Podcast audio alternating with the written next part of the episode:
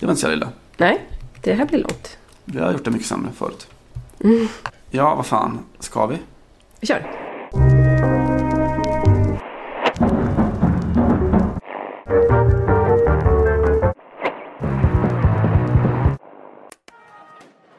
Släpp alla idiotiska slogans som eh, mot den moderna fotbollen. Omvandlingen av nostalgi ger oss ett förflutet som aldrig existerat. Istället för att längta tillbaka till en gyllene tid som aldrig funnits är den enda möjliga motståndshandlingen att erbjuda en icke-pacifistisk läsning av fotbollen. Om du vill ge en revolutionär berättelse kring fotbollen ska du inte blicka tillbaka mot en svunnen guldålder utan låta konflikterna explodera. Välkommen Johanna Frandén först till eh, Fotboll Radikal. Tack snälla. Eh, jag har precis läst ett stycke ur en eh, nyutkommen bok som heter Uccidi Paul Breitner. Döda Paul Breitner. Eh, bra titel va? Ja, riktigt bra faktiskt. Eh, Mm. Eh, i- italiensk anglofon eh, crossover. Eller? Alltså, är- All, germansk. Ja, alltså en, en helt och hållet fel. Som en befjädrad german. Eh, Okej. En Olle Ljungström-referens va? En tysk indian, en befjädrad german. Tror jag. Eh, Författare Luca Pisapia, italienare och en eh, radikal fotbollsskribent. Han har bland annat skrivit i Gazzetta dello Sport tidigare. Och jag har inte läst, men det, låter ju som en bok som man borde läsa. Eh, faktiskt. Ja, det låter ju en, väldigt mycket som en bok i framförallt i din smak. Mm. Jag, Jag undrar, citerar han sig själv nu eller eh, har han hämtat Alltså- inspiration? Ja, den är en, en eh, kombination av roman och eh, faktabok tror jag. Eh, då, radikal läsning av fotbollssporten, vad den har varit och vad den har blivit och vad den borde bli. Eh, och jag valde det där stycket för att de där meningarna ringar in rätt mycket min egen syn på vad en vettig, modern fotbollskritik borde vara egentligen. Det är ju, Mm.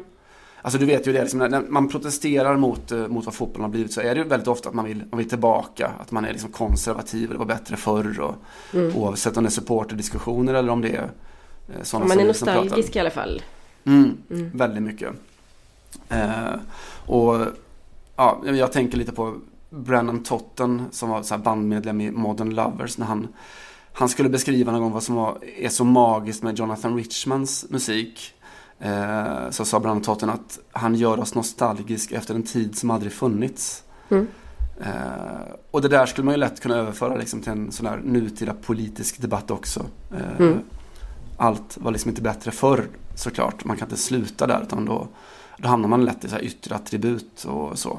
Istället så borde man kunna göra en analys av vad är drivkrafterna och vad är konflikterna. I, På jakt mot en tid som aldrig flytt. Den har aldrig Precis funnits. Som Exakt så. Proust hade sagt om han hade levt nu. Precis så är det.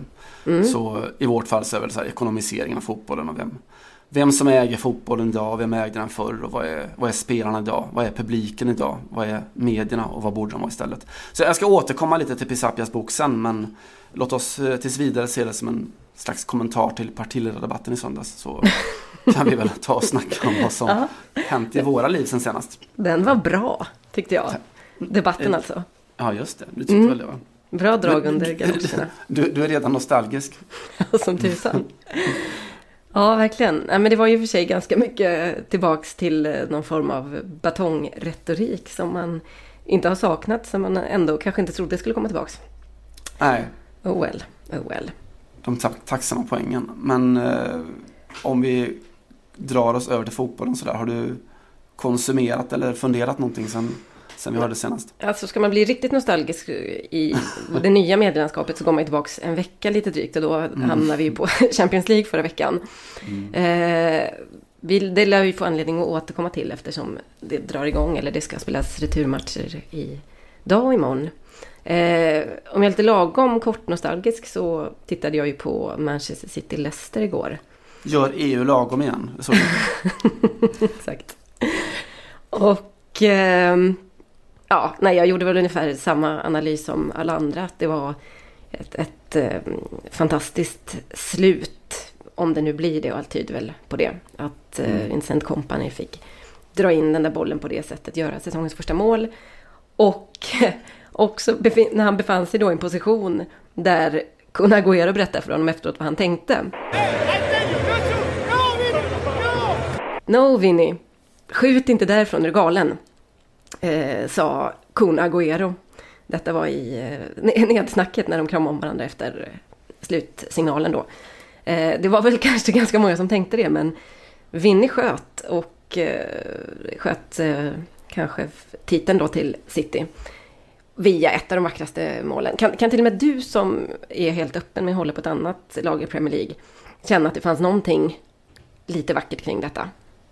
Eh, absolut, alltså det finns oerhört mycket komplikationer alltså, som inte handlar om ett eget supporterskap. Så mycket eh, just i det här eh, välja lag i titelkampen och så. Alltså vi har mm. ett, alltså det finns ingen rimlig människa som jag tycker annat än att City är en, en gangsterförening som har trixat med sin ekonomi och som har en skurkstat bakom sig. Det är ett stort ett ihopköpt lag och så vidare. Eh, och många supportrar ställer det mot att jo men jag känner en kille från Liverpool, han är svinjobbig. Eh, alltså håller jag på City. Mm. Eh, det, det, är lite märkligt. Men eh, rent, jag såg ju också matchen och man känner att, jag hörde att kommentatorerna, Strömberg och Holmgren var liksom kritiska mot City. Att det var inte, det var inte så bra och så. Och jag kände att gud vad vi har kommit långt ändå. Alltså det är ju det är helt fantastisk fotboll de spelar.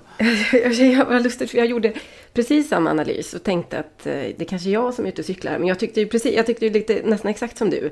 Att eh, man ställer ju enorma krav och det kanske man kan göra då på ett sånt lag. Mm. Men eh, vad ska de göra mer än så? Och, och hur mycket kan man också förvänta sig att ett sånt lag ska vinna med liksom, i slutspurten? Mot ett bra Leicester liksom. Som mm. är Eh, otroligt bra, eh, välorganiserat Leicester och sen ändå klapp, klapp, runt, runt, runt, runt, total belägring. Eh, sen är det roligt med, med just målet, det som du är inne på lite grann, att eh, Con Agüero gör det inte. Det, det, finns ju en, en bok att skriva om just gör det inte ögonblicken. Det är ju inte Sergio Agüero som skriver den boken, känner jag spontant. Men, men, kanske, men kanske Vincent Company möjligen då? Han skulle säkert eh, med sin stora hatt, han är ju en en samhällsmedborgare, en eh, engagerad och tänkande man. Eh, så han skulle säkert tycka om uppdraget tror jag i alla fall. Mm. Jag tänker på liksom det här eh, Sverige-Frankrike, Ola Toivonen. Ola Toivonen.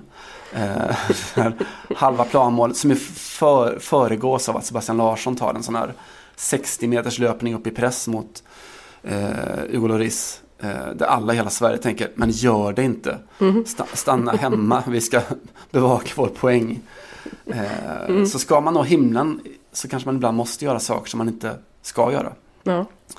Tänker jag. Det, det är min ena reflektion. Den andra reflektionen, och nu babblar jag på här känner jag. Är ju Det är lite ögonblick. det vi har podden.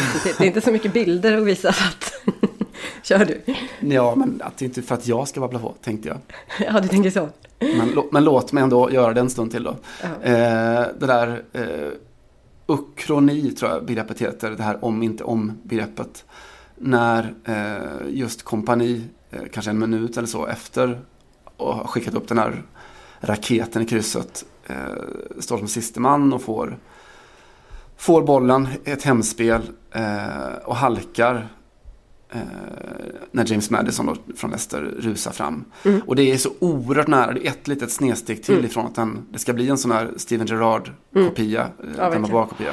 Oh, given away, here's Demba Ba! It's one on one! Demba Ba for Chelsea scored! Can you believe it? What a mistake by Steven Gerrard. The man you would never think would make a huge mistake. Det som för Gerrard blev en, en, en symbol för hela Liverpools förbannelse. Ett livslångt stigma får man väl kalla det nästan då. Precis. Blev här exakt ingenting. Mm. Eh, det är så fascinerande att det funkar mm. på det sättet. Mm. Ja, nej, det var väl många som tänkte Gerard där i en och en halv mm. sekund ungefär när han halkade till. Ja, undrar om kompani tänkte det.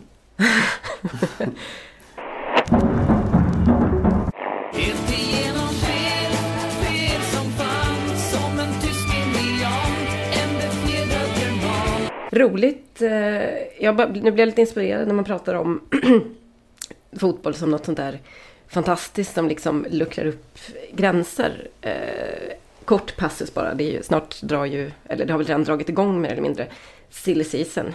Eh, mm. Många älskar ju denna högtid. Det är ju extra, extra mycket drag på sommaren också.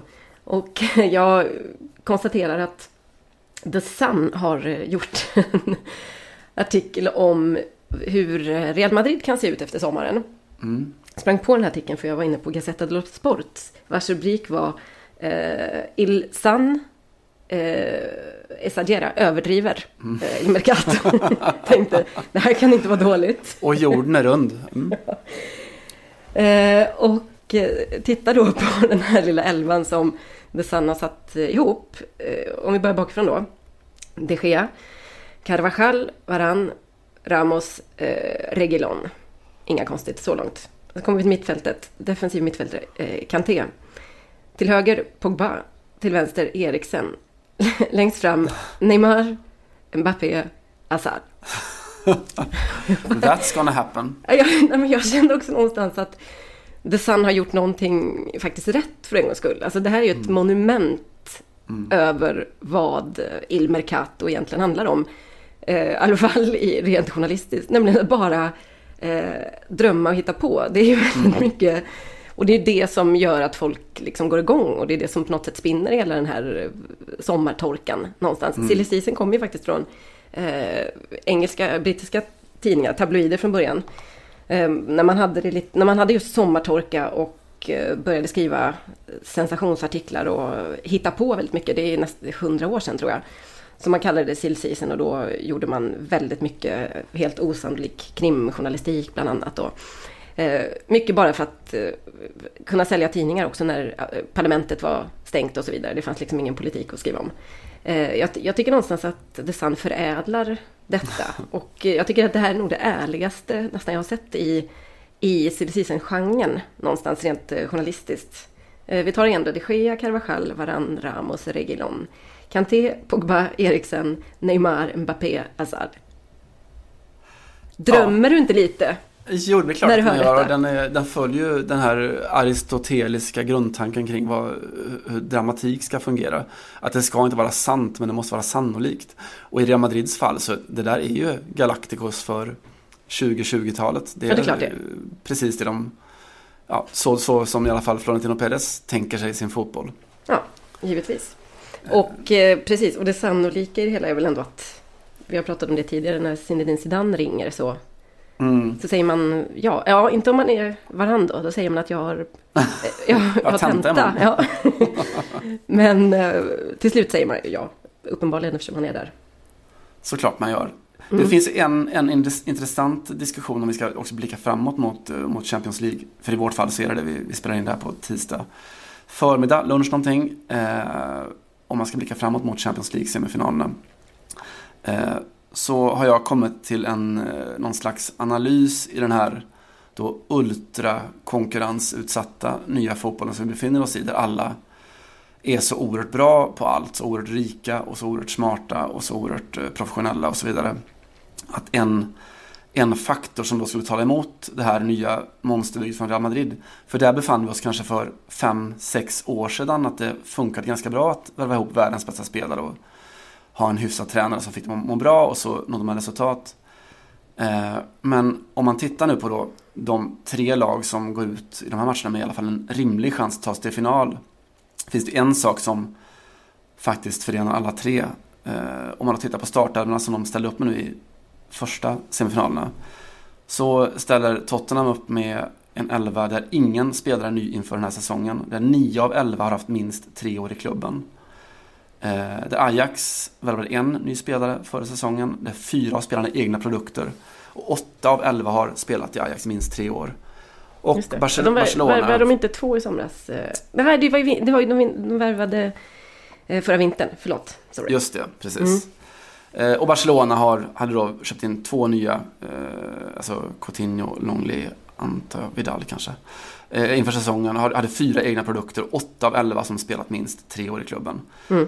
Det vill säga att det är den här nya kollektiva tendensen som också finns, att den också igen då har blivit en, en konkurrensfaktor. Att det, mm. Visst, du ska ha de bästa spelarna, men du ska också ha hunnit spela ihop ett system, ett lag, en ideologi i det du sysslar med. Just det. Det finns något trösterikt i det också. Ja, verkligen. Eh, ja, precis. Och det är väl... Eh, sen är det också ganska mycket om man tittar på vad som förenar de här lagen som att de väldigt mycket på något sätt har en gemensam överstepräst. Vi kanske ska ta det pyttelite senare.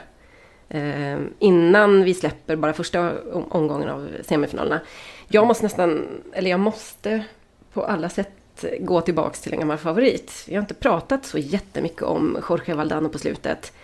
Och eh, det är mest för att jag för, av någon form av Tourettes syndrom försöker hålla tillbaks namnet. Eh, det betyder inte att jag inte läser honom varje vecka. Och eh, nu tyckte jag att det fanns eh, ganska goda skäl ändå att eh, citera den gode Valdano.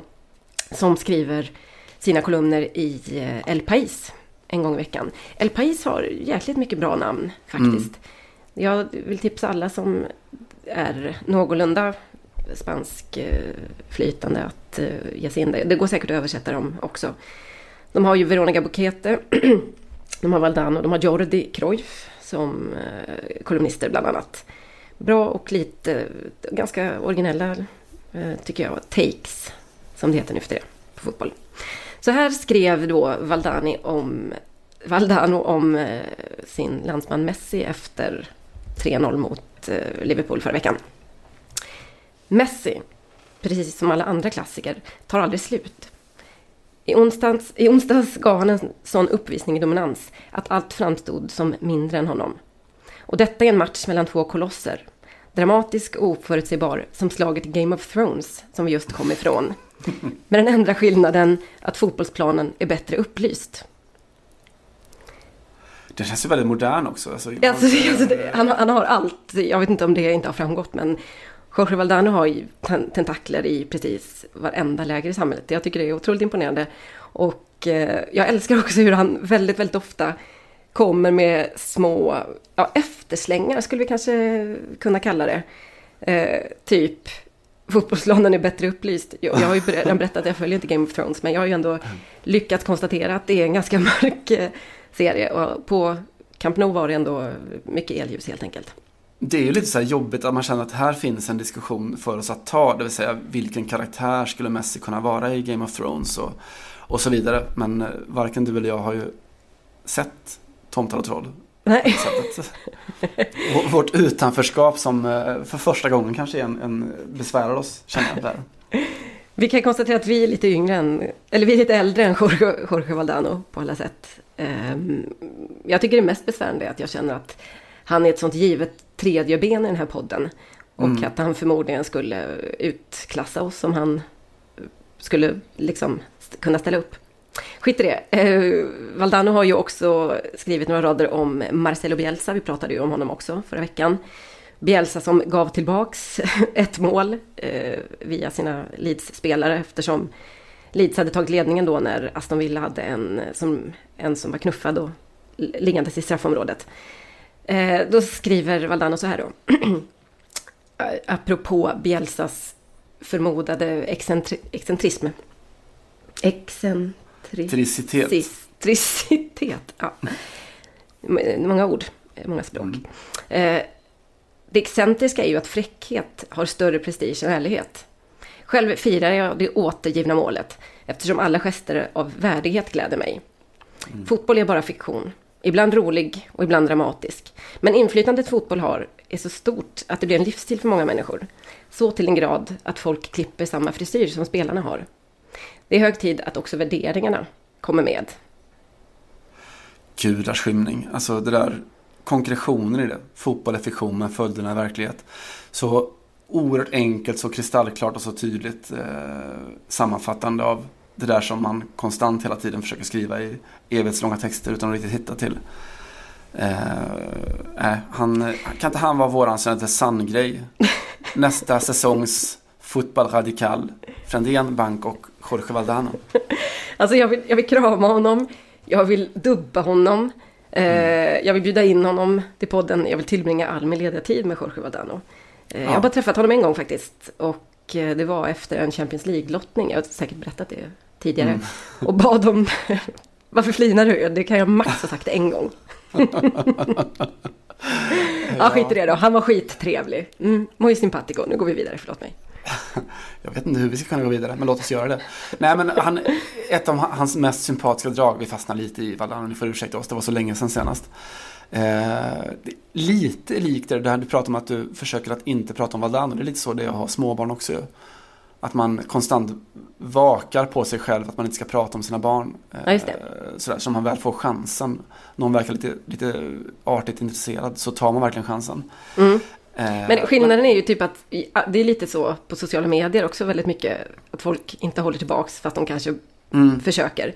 Skillnaden är att allt det som alla barn säger på Twitter eh, är ju tillspetsat och eh, sannolikt kanske inte så ofta helt och hållet eh, korrekt återgivet. Allt det som Valdano skriver och Valdanos Twitter barn. Är ju, är ju på riktigt på något sätt. Så är det faktiskt. Eh, vi är fiktionen och han är de riktiga följderna. Nej, men en av de, de mest sympatiska dragen med honom tycker jag är att han, han vägrar att vara just nostalgisk. Alltså i, mm. i den position och den, den profil och den histori historik han har så det är uppbollat. Alltså 99,9% av alla Eh, motsvarande profiler blir ju lätt nostalgiska. Eh, man behöver liksom inte se en engelsk fotbollssändning för att, för att veta det, men, men så är det ju. Jag vet att han eh, nyligen så tog han upp det här med att det är så många som då, i spåren av Real Madrids kris närmar sig honom för att säga att Fan, titta på vilka slappa jäklar vi har nu liksom. Det var bättre på din tid när alla sprang och slet. Eh, och han vänder sig mot att säga att, ja men herregud, det är, ni, ni kunde inte ha mer fel liksom. Låt oss titta på faktat. Ja men nu så springer de 12-13 km per match. Vi sprang 8-9 km per match. Mm. Eh, de spelar 10-20 matcher fler per säsong. Eh, och sådär, de är, de är runt överallt och möter liksom väldigt bra lag och det är varmt ut. mm. Och så vidare och så vidare. Låt oss inte låtsas som att vi, vi jobbade hårdare förr. Liksom. De jobbar tusen gånger hårdare idag. Det är varmt ute. Han menar också då att det är lite varmare ute nu. Med jag utgår ifrån att med tanke på uppvärmningen, den globala. Ja, och förmodligen bättre ljus också, mer upplyst. Ja. Jag tycker det är fint också att han, han är ju också en VAR-motståndare med väldigt goda argument. Och just när han pratar om eller skriver om Bielsa och det som han upplever är Bielsas syn på rättvisa. Han kallar mm. det faktiskt på hans, han kallar det för hans Bielsas eh, estetiska besatthet. Mm. Obsession, nej, estetiska, etiska besatthet, hallå, motsatsen. Eh, obsession etica. Och då säger han, var det inte så att vi började med VAR för att vi skulle nå eller närma oss rättvisan? Var inte det hela jag, poängen? Då kan man inte klaga alltså, på det här. När, när tog Vadano upp det här? När, när skrev han det här? Eh, det skrev han i den här eh, senaste 6 maj. Det var nu i går, måndag. Ja, mm. Det låter befängt för att jag hade exakt, exakt den tanken att som ett motargument lite mot Bielsas eh, tillbakagivna mål att, att det är också besläktat med den här synen att allting måste vara perfekt. Att allting måste vara helt rättvist och så. Mm. Uh, och jag, jag, tycker att Bielsa har rätt. Det är, det är inte det det handlar om. Utan att det, det är där vår tid är nu. Att uh, det finns ingen, inget utrymme för de små fläckarna längre. Uh, och att det definitivt finns en, en parallell och en, en, diskussion och en koppling till, till VAR.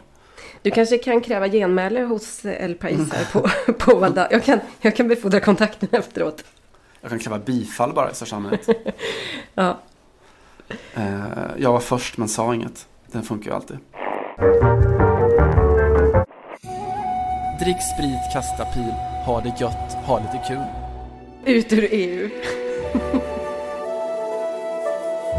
Ska vi jobba oss vidare? Vi gör det. Jag gör det med, med nostalgi då och återkopplar till den här boken som jag tog upp i början, eh, Döda Paul Breitner-boken. Eh, för i recensionerna, och det finns en story kring det, i recensionerna av då den här Pisapias bok så, så skrev många i Italien att det gick att liksom koppla hans stil och hans eh, angreppssätt till Wu Ming.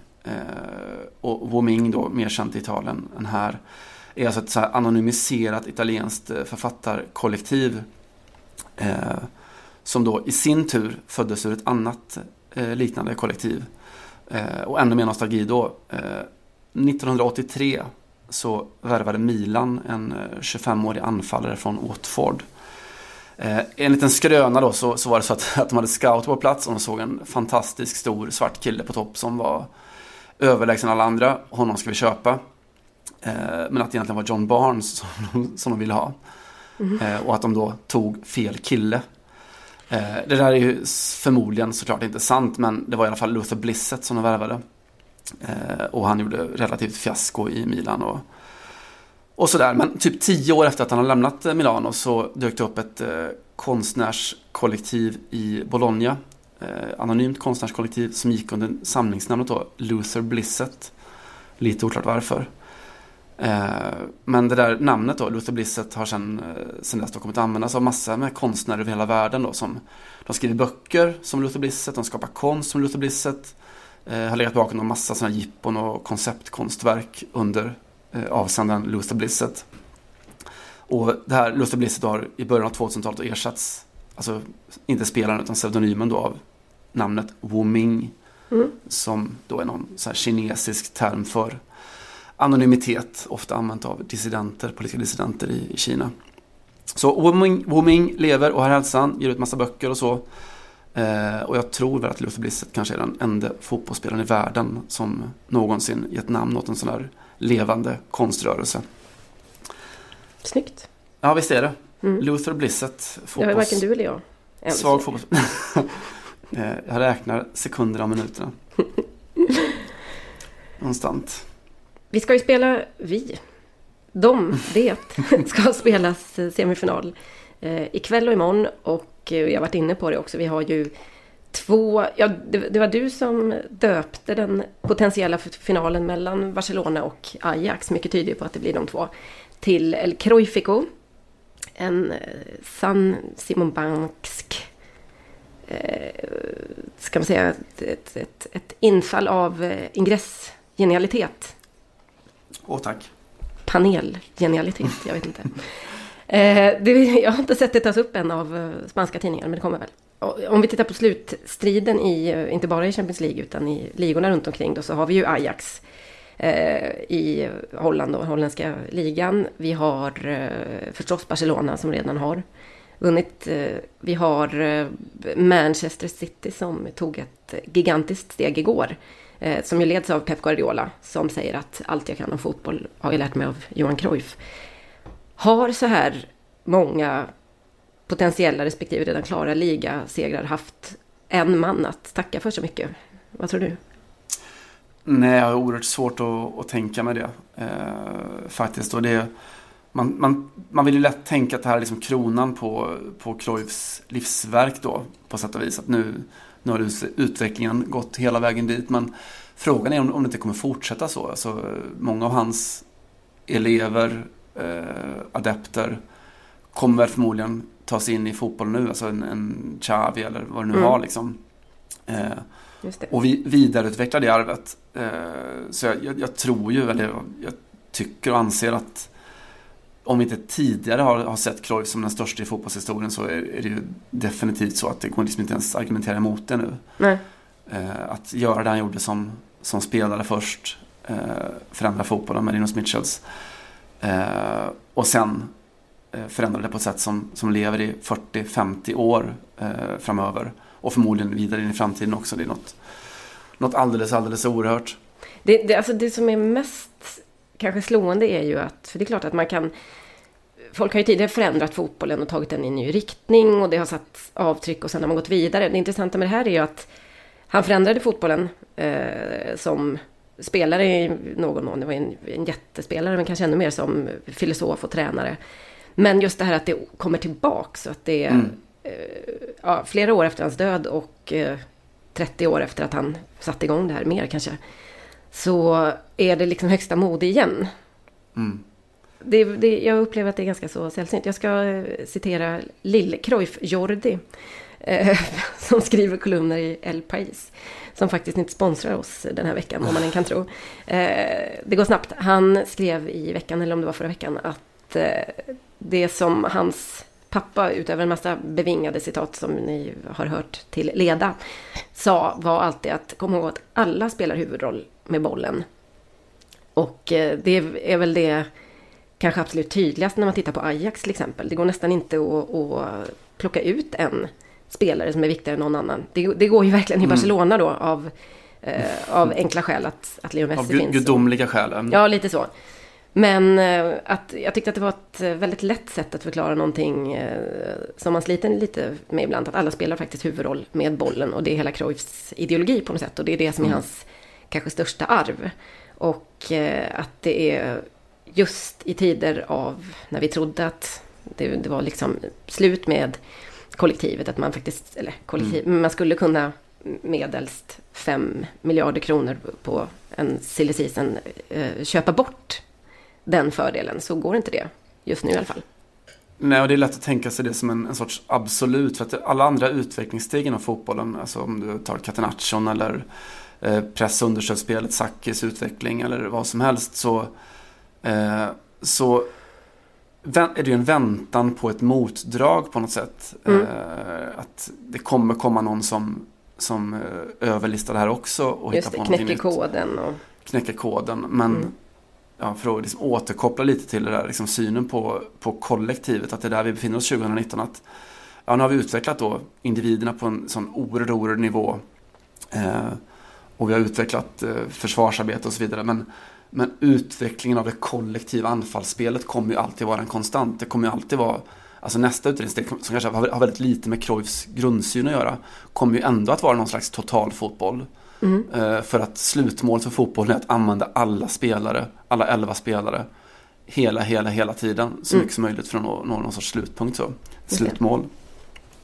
Eh, och det ska också som en så här, parentetiskt nämnas när vi då radar upp alla de här klubbarna som har Cruyff tacka för så mycket. Att när eh, Tottenham möter Ajax eh, och Ajax gör det liksom med, med fyra egna produkter i laget så så har ju Tottenham ställt upp med en, en backlinje där alla har fostrats i Ajax också med Adrefeir eller Vertongen och, och eh, Davinson Sanchez. Med Christian Eriksen som, som playmaker som också har fått sin, sin skolning i Cruyffs modell. Så det är något, något helt otroligt. Någonting i hästväg. Just det. Helt enkelt. Orkar du lyssna på Jorge Valdano om en anekdot eh, när vi är inne på att prata om ideologier. För det är väl mycket det här, det är mycket det här handlar om. Att man tror mm. så mycket på en spelidé att man är, kan gå i graven för den nästan. Eh, Valdano skrev, det här är några månader sedan då. Att eh, han säger att Guardiola har berättat att när Cholo Simeone kom till Barcelonas träningsanläggning för att tillbringa en vecka och titta helt enkelt på träningarna. Eh, så satt de ner efteråt, Guardiola och Simeone, och eh, Simeone erkände rakt av att det här är bra, men det här är ingenting för mig. Mm. Och då sa, sa, Guardiola, i det ögonblicket förstod jag att det här var en stor tränare. Mm. Eh, och Valdano skriver vidare att den här fanatiska idén Eh, och passionen för en viss typ av eh, fotboll eh, som gör det tydligt vad man vill och som liksom stabiliserar ett, det projektet som man har sjösatt någonstans att det är det som är grunden till att bli framgångsrik. Att inte imitera någon och välja idéer, utan att välja idéer utifrån hur man känner inför fotbollen hjälper en att inte bara kommunicera den och kommunicera hur man tänker, utan det hjälper också att kommunicera vad man känner som tränare. Ja. På, på pricken där också. Och mm. det också, ska man sammanfatta vad Cholo Simeone har gjort i, i Atleti och satt en sorts trend som ganska många, alltså inte minst då Valencia, kanske har Eh, kopierat eller i alla fall härmat lite. Det var att de har ju tagit sättet som väldigt underlägsna lag normalt spelar på, provinslag och så. Att vi, vi arbetar som djur i defensiven.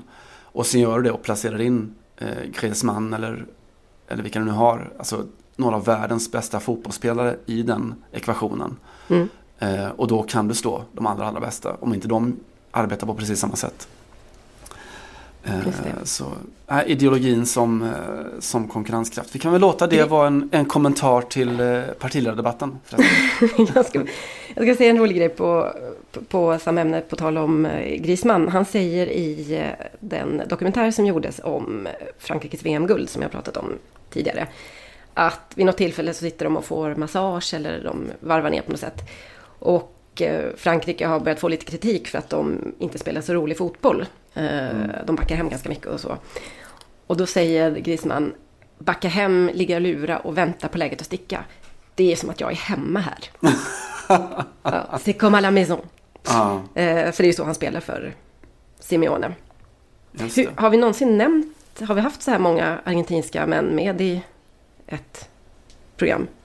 Vi en har, haft, vi, vi har haft vissa samtal vi har haft privat men jag tror inte att vi har haft det i kortversionen av min, mina tre år i Barcelona. Inte Någonstans. så. Mm. Eh, Ja, förlåt. Nu ska du få gå vidare. Nu ska jag bara släppa dem allihopa. Eh, för det är det absolut eh, bästa man kan göra. Ready to pop the question? The jewelers at BlueNile.com have got sparkle down to a science with beautiful lab grown diamonds worthy of your most brilliant moments. Their lab grown diamonds are independently graded and guaranteed identical to natural diamonds, and they're ready to ship to your door. Go to BlueNile.com and use promo code LISTEN to get $50 off your purchase of $500 or more. That's code LISTEN at BlueNile.com for $50 off. BlueNile.com code LISTEN. Den muslimska fastemånaden Ramadan har just dragit igång. Eh, igår eller i förrgår, lite beroende på var man befinner sig i världen. Och eh, det är ju, på senare år så har det här börjat uppmärksammas mer och mer inom fotbollen. Dels för att det förstås är många av de stora spelarna som är troende muslimer. Och eh, också gissar jag på någon, någon form av allmän medvetenhet i, i västvärlden kring Ramadan och islam överhuvudtaget. Det är klart att det här har funnits i alla år utan, utan att man har pratat om det. Men eh, det kommer ju alltid en diskussion då om hur man ska hantera det här. Faktum var att Ramadan inföll under VM 2014, VM 2018 också. Och eh, nu ligger det då som eh, en liten, ja vad ska man säga, prolog till Afrikanska mästerskapet skulle man kunna säga, som spelas eh, i sommar, som man faktiskt har skjutit upp en vecka, just för att det skulle vara, ligga efter Ramadan då. Eh, men det är fortfarande så att eh, flera av spelarna som spelar Champions League semifinal, kommer att göra det på fastande mage. Sadio Mané kommer väl göra det. Mohamed Salah är ju skadad då, så han kan inte delta. Men jag är ju också en troende muslim som beakta detta. Eh, I Ajax eh, har vi också ett gäng där eh, Nusar, Nusair Masraoui uttalade sig om detta i veckan just. Eh, han kom in och spelade 25 minuter tror jag i den förra matchen. Och eh, han säger så här då att det finns olika åsikter kring detta, men det, det är mitt val. Eh, själv känner jag väldigt mycket energi runt och under Ramadan. För jag, jag märker ingen skillnad egentligen med fotbollen. Eh, och det som kommer hända i, på kvällen då är att eh, klockan 21 så börjar matchen och eh, kvart över nio ungefär så, är, så bryter man fastan. Så från då så kan då spelarna helt enkelt springa ut och dricka vatten, för det får man inte göra under när det är dagsljus. Och eh, äta någonting för att få i sig ja, energi helt enkelt. Det finns lite olika synsätt såklart på det här. Det är väl en... Jag tycker att det är en mycket intressant fråga, men det är en känslig fråga för många också, för att det är ju beroende på hur man ser på det och hur mycket plats man tycker att religionen ska få ta i inom fotbollen och eh, förstås också beroende på hur mycket man är rädd för att det här ska påverka negativt då insatsen eller prestationen. Är det, är det en kommentar till partiledardebatten? Hårdare straff säger jag bara. Mm, rätt. Mm. Skicka ut dem. Eh, föga förvånande, nu kommer jag göra en lite sån nationalstereotyp, så tycker Ajax eh, sjukgymnast Raymond Verheyen att det här är fan inget att ägna sig åt. Jag vet inte, jag bara tycker att det är så roligt hur de i Holland bara alltid säger rakt ut vad de tycker utan något, någon liksom fundering på något annat. Eh, jag uppskattar den, det är lite kalvinistiska arvet brukar man ju säga. Det. Eh, Alltså spela fotboll utan att äta är helt omöjligt. Eh, Tänk om det står 0-1 efter 90 minuter och så ska de eh, spela förlängning. Det här är ju matchen mot eh, Tottenham då. Eh, Jag hoppas verkligen att spelarna själva tänker och inser att det här är, är helt omöjligt. Musklerna alltså, drar ihop sig alldeles mycket. Drar ihop sig, ja. ja det, med, det medicinska lingot och så. Men, eh, Jürgen Klopp eh, kommenterar det hela med att eh, religion är en privatsak. Så har jag lärt mig och så ser jag på saken. Och han har liksom inga synpunkter på detta. Eh, och det finns ju skolor på, alltså, åt båda håll så att säga här. Framförallt är det så att när, när man har gått en bit in i fastan, vilken religion man än tillhör, så så blir det lättare. Det som händer nu är att det är precis i början då. Och att mm. det kan ta lite tid att vänja kroppen såklart vid, vid detta. Men de allra flesta klubbar och eh, framförallt många landslag med mycket eh, muslimska spelare eller med muslimsk majoritet har ju, har ju både sjukgymnaster och dietister och sånt som är väldigt vana vid att jobba med detta. Det finns ju också landslag som har flyger med liksom en privat imam till VM till exempel för att ge dem råd i detta och så. Eh, och det finns också lag som helt enkelt, landslag då framförallt, som väljer att skjuta upp Ramadan, för det kan man göra också. Mm. Jag tror att Mohamed Salah, var det förra året, så under VM så fick han väl en, hur var det nu, jag tror att han åt i två dagar och så tog han igen de två dagarna efter VM då, eller senare. Så, så, att, så kan man ju också göra. Eh, jag, jag har ingen sån jätteåsikt om detta, men jag tycker att det är intressant med tanke på att vi detaljstuderar så mycket annat inom fotbollen mer och mer. Alltså det här med maten och hälsan och ja, näringshållningen har ju liksom exploderat på slutet. Eh, vår kollega Erik Niva skrev ju en lång artikel häromdagen om alla de eh, veganska fotbollsspelarna. Det börjar bli en riktig trend då. Och mm. de som äter helt veganskt märker att de skadar sig mindre bland annat. Och ja, det blir en annan...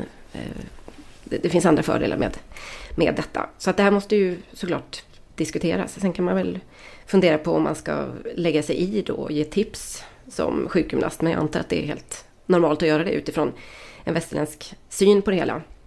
Eh, eller den lite mer kloppska då. Att det här är en privatsak och jag utgår liksom från att alla gör sitt bästa och att det, jag lägger mig inte i det mer än så helt enkelt.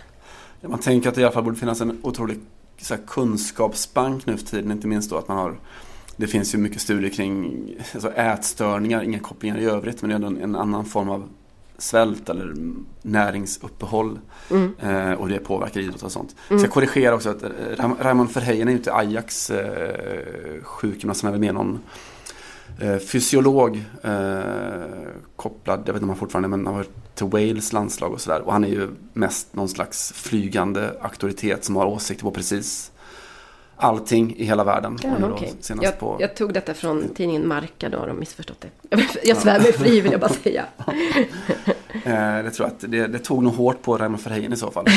Skulle nog lätt kunna summeras som att det finns han skulle kunna ha synpunkter på när vi utmålar Johan Cruyff till fotbollshistoriens viktigaste karaktär. Tror ja, men det, för, okay, nej, förlåt, men det förklarar ju kanske lite varför han är så öppen. Det hade varit konstigt att gå emot sina spelare kanske på det sättet. Mm. Eh, nej, men han är intressant. Och det, jag håller med, det är kittlande. Jag har liksom själv haft eh, uppdra som uppdrag en gång att vara Ramadan-tajmare eh, när mitt eget lag spelade. Och målvakten var mitt i Ramadan. Eh, att sådär ha, ha koll på tiden, när skulle Sulle få, få dricka och, och äta lite eh, mm. i målet. Mm. Eh, vilket ju liksom väcker massa, massa frågor och sådana nyfikenhet. Han var för trött för att hålla koll på det själv. ja, just det nej, men han, ville, han ville verkligen ha det exakt att nu, nu är det dags. Eh, det var viktigt och det... Det är ju lite festligt. Alltså jag, jag tror att det var förra året så var jag på en eh, fest där det var tre, fyra, kanske fler, fem stycken som gjorde Ramadan. Och det är ju alltså, det är ju väldigt lätt att bli lite avis på gemenskapen. För då mm. går alla runt där liksom och, och plirar lite på buffén och sen så bara, nu är det dags. Och så blir ja. det en sån väldigt gemensam, eh, ja, ett gemensamt eh, tillfälle att, att samlas kring maten helt enkelt. Ja, jag vet inte mm. vad gör som, som skulle kunna översättas. Är det vit månad typ? Ja, precis. Och jag ska säga att jag gjorde, jag hade en vit månad eh, en sommar när nästa, det, var, det var nästan precis samtidigt som Ramadan. Så att det var, ja, vi säger att det var hela juni då, för några år sedan. Och i norra Paris där jag bor så är inte det... Så då var man i väldigt gott sällskap kan jag säga. För att det mm. bor jättemycket muslimer här, mycket araber, mycket arabiska kvarter. Och eh, en, eh, dessutom liksom en buffé då av eh, alkoholfri öl på alla barer. Helt plötsligt. För att när, när de dricker ju oftast, alltså man, dricker, man ska inte dricka alkohol alls, men de flesta är ju, är ju lite mer moderata. Och då blir det att man inte dricker under Ramadan. Och Eh, men man vill ändå att det ska kännas lite festligt då när solen har gått ner. Så att eh, jag kände ju ett litet, eh, jag kände mig lite del av den där gemenskapen. Ja, ja, även om jag gjorde det på väldigt dekadenta västländska premisser. Jag förstår myset. Mm. jag tycker det är en bra sammanfattning hur man kan förhålla sig till Ramadan. Man måste förstå myset, så är det. Fotbollning. Radikal. Från eh, halkan till Balkan, från Ramadan och rakt in i U17-EM tänkte jag. Eh, Sverige spelar ju där nu i, i eller på Irland. Eh, är redan utslaget och det kan man ha full förståelse för. De är alltså i grupp med Holland, Frankrike och England. Eh, dödens grupp om det någonsin funnits någon. Jag gjorde en sån här snabbkoll bara av, av eh, startelvan där och kollade klubbadresserna på de olika älvorna. Ajax, eh, som får, väl får vara veckans tema lite grann då. Sju Mm. stycken från Ajax i Hollands elva mot Sverige. Mm. De övriga från Liverpool, Chelsea, Hoffenheim och AZ. Eh, Frankrike ställer upp med två eh, PSG-spelare, två från Rennes, det är från Le Havre, det är från Monaco, Caen, Sochaux, Bordeaux, Marseille. Eh, England, som då Sverige möter på torsdag, kommer ställa upp med fyra City-spelare, två från Arsenal, Brighton, Tottenham, Wigan, två också, West Bromwich. Eh, och mot det så har då Sverige ställt då ett, ett halvdussin eh, MFF-spelare. Eh, en från ÖSK, en från Kalmar, en från Trelleborg, en från Hammarby och då eh, Anthony, Tony Elanga, Josef Elangas grabb då, som spelar i Manchester United. Det är lite skillnad så att säga. Mm. Eh, annan bisats är att det är kul med just Elanga, det är kul med Tim Pritsa, Rades grabb eh, och Niklas Bergmark, Orvar Bergmarks barnbarn. Som alla spelar för Sverige. Mm, det är lite fint. Ljud. Men eh, ja, det är mer ljuvligt. Theo Zidane eh, spelade för Frankrike, eller satt på bänken mot Sverige. Eh, vi har pratat om honom förut. Ja, alltså vi, jag, jag är helt för att vi uppdaterar oss på syskonskaran där. Mm, konstant Mm. bänkad i alla fall, men ändå med i Mm. ett lag som har eh, goda chanser att ta hem den här titeln. Eh, men jag skulle vilja berätta om en annan spelare i det där laget som har en lite annan historia. Eh, Theo Sidans farsa har vi rätt bra koll på.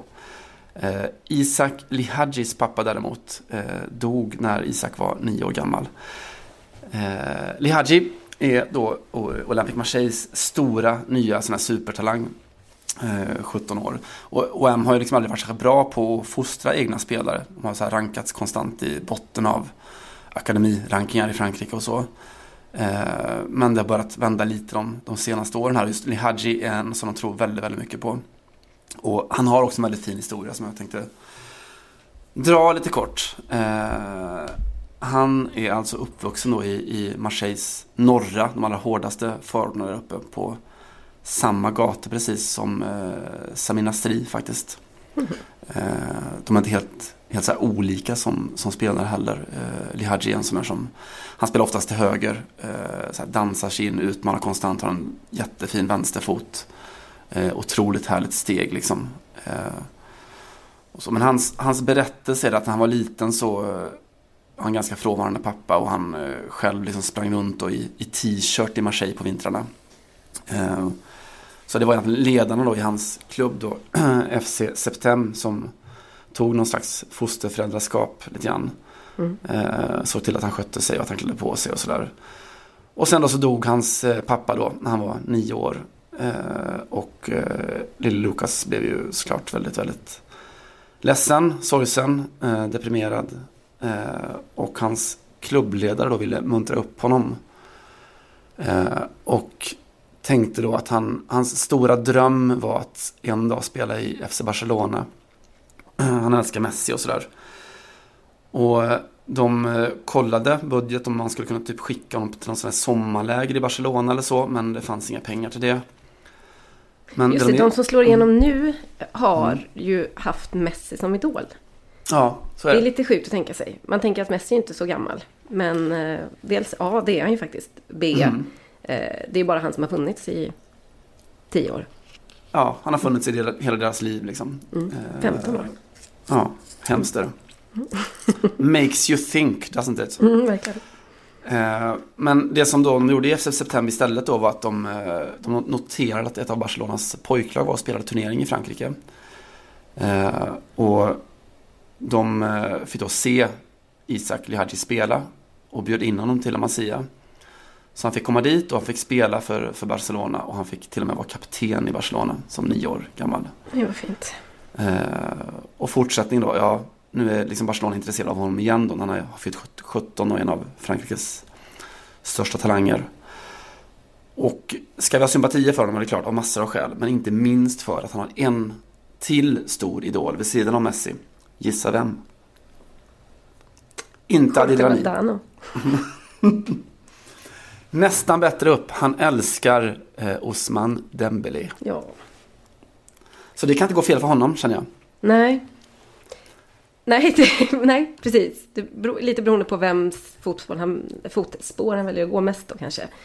Men Osman Dembélé har ju också lite problem på tal om eh, eh alltså diet och näringsintag och, och ramadan. Så börjar det pratas nu om att de här skadorna han drabbas av hela tiden är kanske en, till viss del, eh, eller till och med till, i ganska stor utsträckning, kopplade till hans eh, dåliga födointag. Mm. Eh, lär er av detta, pojkar och flickor. Man ska äta rätt. Men man, man får absolut ha den boost som idol tycker jag. Det ska ju bara upp lite grann. Man får ju dribbla, men inte med sin kosthållning. som, som Socialstyrelsen hade kunnat ha som slogan. du, kan eh, du ge oss ett kulturtips? Ska vi börja den änden den här veckan? Jag tycker det. Vi tänker lite totalfotbollsorienterat här. Att mm. Varför ska bara en högerback vara högerback? Varför ska ett profiltips komma först? Nej, kulturtips först. Du tipsade väl förra veckan, om jag minns rätt, om någon italiensk eh, sån digital radiostation va? Mm. Det känns ju lite brett kanske Anna. Mm. Eh, så jag tänkte ta och tipsa om ett italienskt Instagramkonto istället. Ja. Eh, det finns, jag vet inte, var du en sån som samlade sådana här Panini-bilder när du var liten? Nej. Eh, jag var nog det när jag var väldigt liten tror jag. Mm. Sådana här, de här fotbollsklistermärken inför de stora mästerskapen och, och ligorna och sånt. Eh, I Italien så finns det en sån här känd, eh, alltså nästan det har blivit en etablerad ramsa i princip om eh, som alla fattar vad man, vad man menar när man drar. Eh, som kommer av att när ungar sitter och bläddrar igenom sina album så, så säger man alltid så här, vilka bilder man har och vilka bilder man inte har. Man säger så här, cello, cello, manka, manka. Eh, alltså, har den, har den, den här fattas, den här fattas. Och så. Eh, och sen ungefär ett år tillbaka så finns det ett Instagramkonto startat av konstnären Gianni Dorso. Som ofta använder fotboll i, i sin konst. Då. Han har startat ett Instagramkonto som heter just eh, Celo Celo Mimanka. Vi kan väl lägga ut länken i eh, via poddens Twitterkonto Podcast Radikal om ni vill kika. Eh, det, det, som han gör där är att han då väljer ut sina favoritkonstnärer. Eh, ja, Marina Abramovic har han haft, eh, Barnett Newman, Donald Judd och sådär. Och gör om dem till samlarbilder då med Paninis estetik. Sådär. Det är lite, lite löjligt men det är väldigt, väldigt roligt. Och det är min lilla rekommendation för veckan. Cello Cello Mimanka av Gianni Dorso. Ce l'abbiamo, mm. kulturtipset. Fint det. Super, verkligen. Eh, ska plocka ut en profil i veckan också såklart. Och eh, vi har pratat om henne tidigare. Tror inte som profil. Eh, du var lite osäker. Eh, skit i det. Vi, vi, eh, hon förtjänar att uppmärksammas igen. Vi pratar ju om eh, Corinne Diacre. Som är det franska damlandslagets förbundskapten sedan ett par år. Ja, ett kanske någonting sånt. Eh, hon eh, är ju, om ni känner till henne så är det väl också för att hon var en av de första, för att inte säga den första kvinnan som tränade herrlag på hög nivå i Frankrike. När hon tog Clermont-Ferrand till, från en bottenplats till en topp fem någonstans i, i den franska andra divisionen. Det gjorde hon sig känd, eller där gjorde hon sig ett namn får man väl säga. Då var det förresten Sonja Swid som jag pratade profilerade förra veckan. äh, agenten med fokus på franska damspelare som var hennes agent och eh, ja, så där. Som där. Mm. Mm. Snyggt. Jag återkopplar. Mm. Ja. Eh, och det är så att Diak har nu presenterat sin 23-kvinna-lista då till hemma-VM i sommar. Det är ett enormt tryck på Frankrike att gå långt. Och dels för att man ju i tio års tid har haft enormt mycket talang. Men väldigt ofta fallit i, på mållinjen eller ja, gått bort sig i mästerskapen. Så att den där gigantiska hypen kring det franska damlandslaget har inte riktigt eh, infunnit sig just på grund av det. Då. Man har inte riktigt tagit sig så långt. Eh, nu finns det ju också ett herrlag att eh, vars bedrift man förväntas kopiera lite grann då. Och det här pratas mycket om att, att damerna tar inspiration av detta och man liksom ser att inget är omöjligt och så vidare. Eh, att presentera sin eh, landslagstrupp eller VM-trupp är ingen liten sak i Frankrike och precis som när herrarnas presenteras av Didier Deschamps så sker detta på TF1 som är den ja, stora, en av de stora allmänhetskanalerna kan man väl säga i Frankrike. Eh, I nyhetssändningen klockan 20 så gör man detta och kommenterar då. Eh, Ofta så är det nyhetsuppläsaren som med hjälp av en expert sitter och eh, kommenterar detta lite grann. Corinne Diacre gjorde så i eh, veckan som gick. Och eh, det var vår favorit, eller som vi hoppas mycket på, Delphine eh, Cascarino mm. kom med. Det gjorde däremot inte Marie-Antoinette Catuto. Henne har vi haft som profil, det är jag helt säker på. Mm. Och detta fick många att höja lite grann på ögonbrynen. Hon vann ändå skytteligan i den högsta damligan i år med 22 mål och eh, har krossat, eh, ja, rekord är väl synd att säga, hon spelar i PSG då som ju återigen inte vann någonting i år. Men eh, varit den mest profilerade spelaren där kan man säga. men hon fick inte någon plats och detta var liksom det stor, stora frågetecknet då för Corinne Diacre.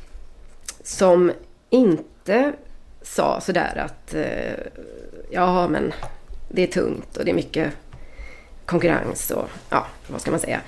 Utan eh, hon sa helt enkelt att eh, vi, jag kunde inte, jag ska säga att Katoto, var, många såg henne lite som att hon skulle bli en Kylian Mbappé. Då. De är lika gamla, hon är född 98 precis som Mbappé. Och, de har mycket liksom gemensamt så i vilket, vilka förhoppningar man ställer till dem. Men Diakre sa i alla fall så här då att det var, det var ett svårt val. Eh, jag gjorde det och jag eh, står för det såklart. Hon har jättemycket, eh, hon har jättemycket potential. Men hon är ung och har tiden framför sig. Jag gjorde det här för att jag, jag gjorde det gruppens bästa. Helt enkelt.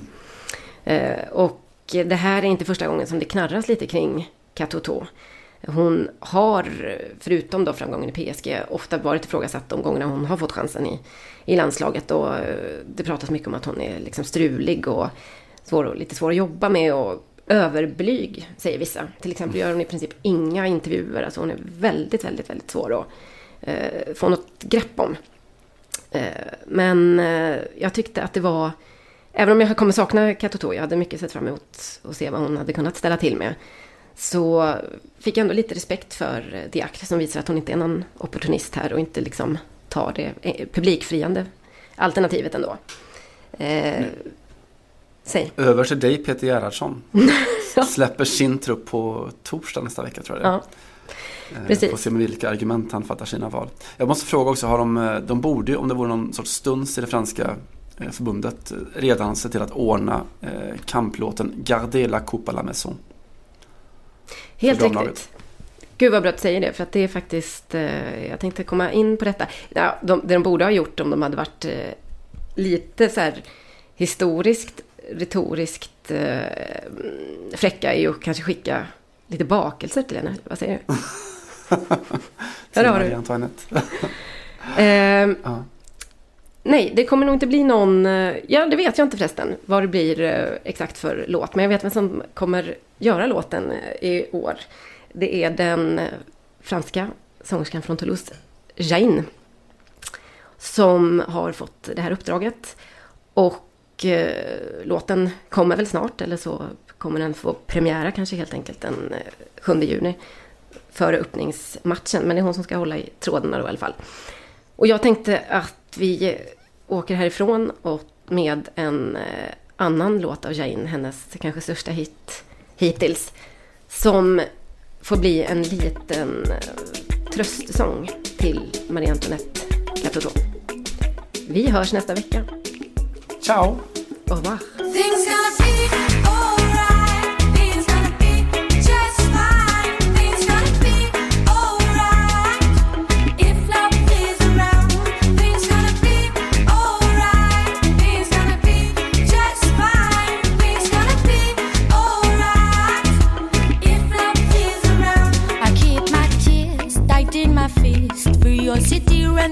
My dreams. Darling, I look up at the sun, the rising of another dawn. I got some time to sing the love.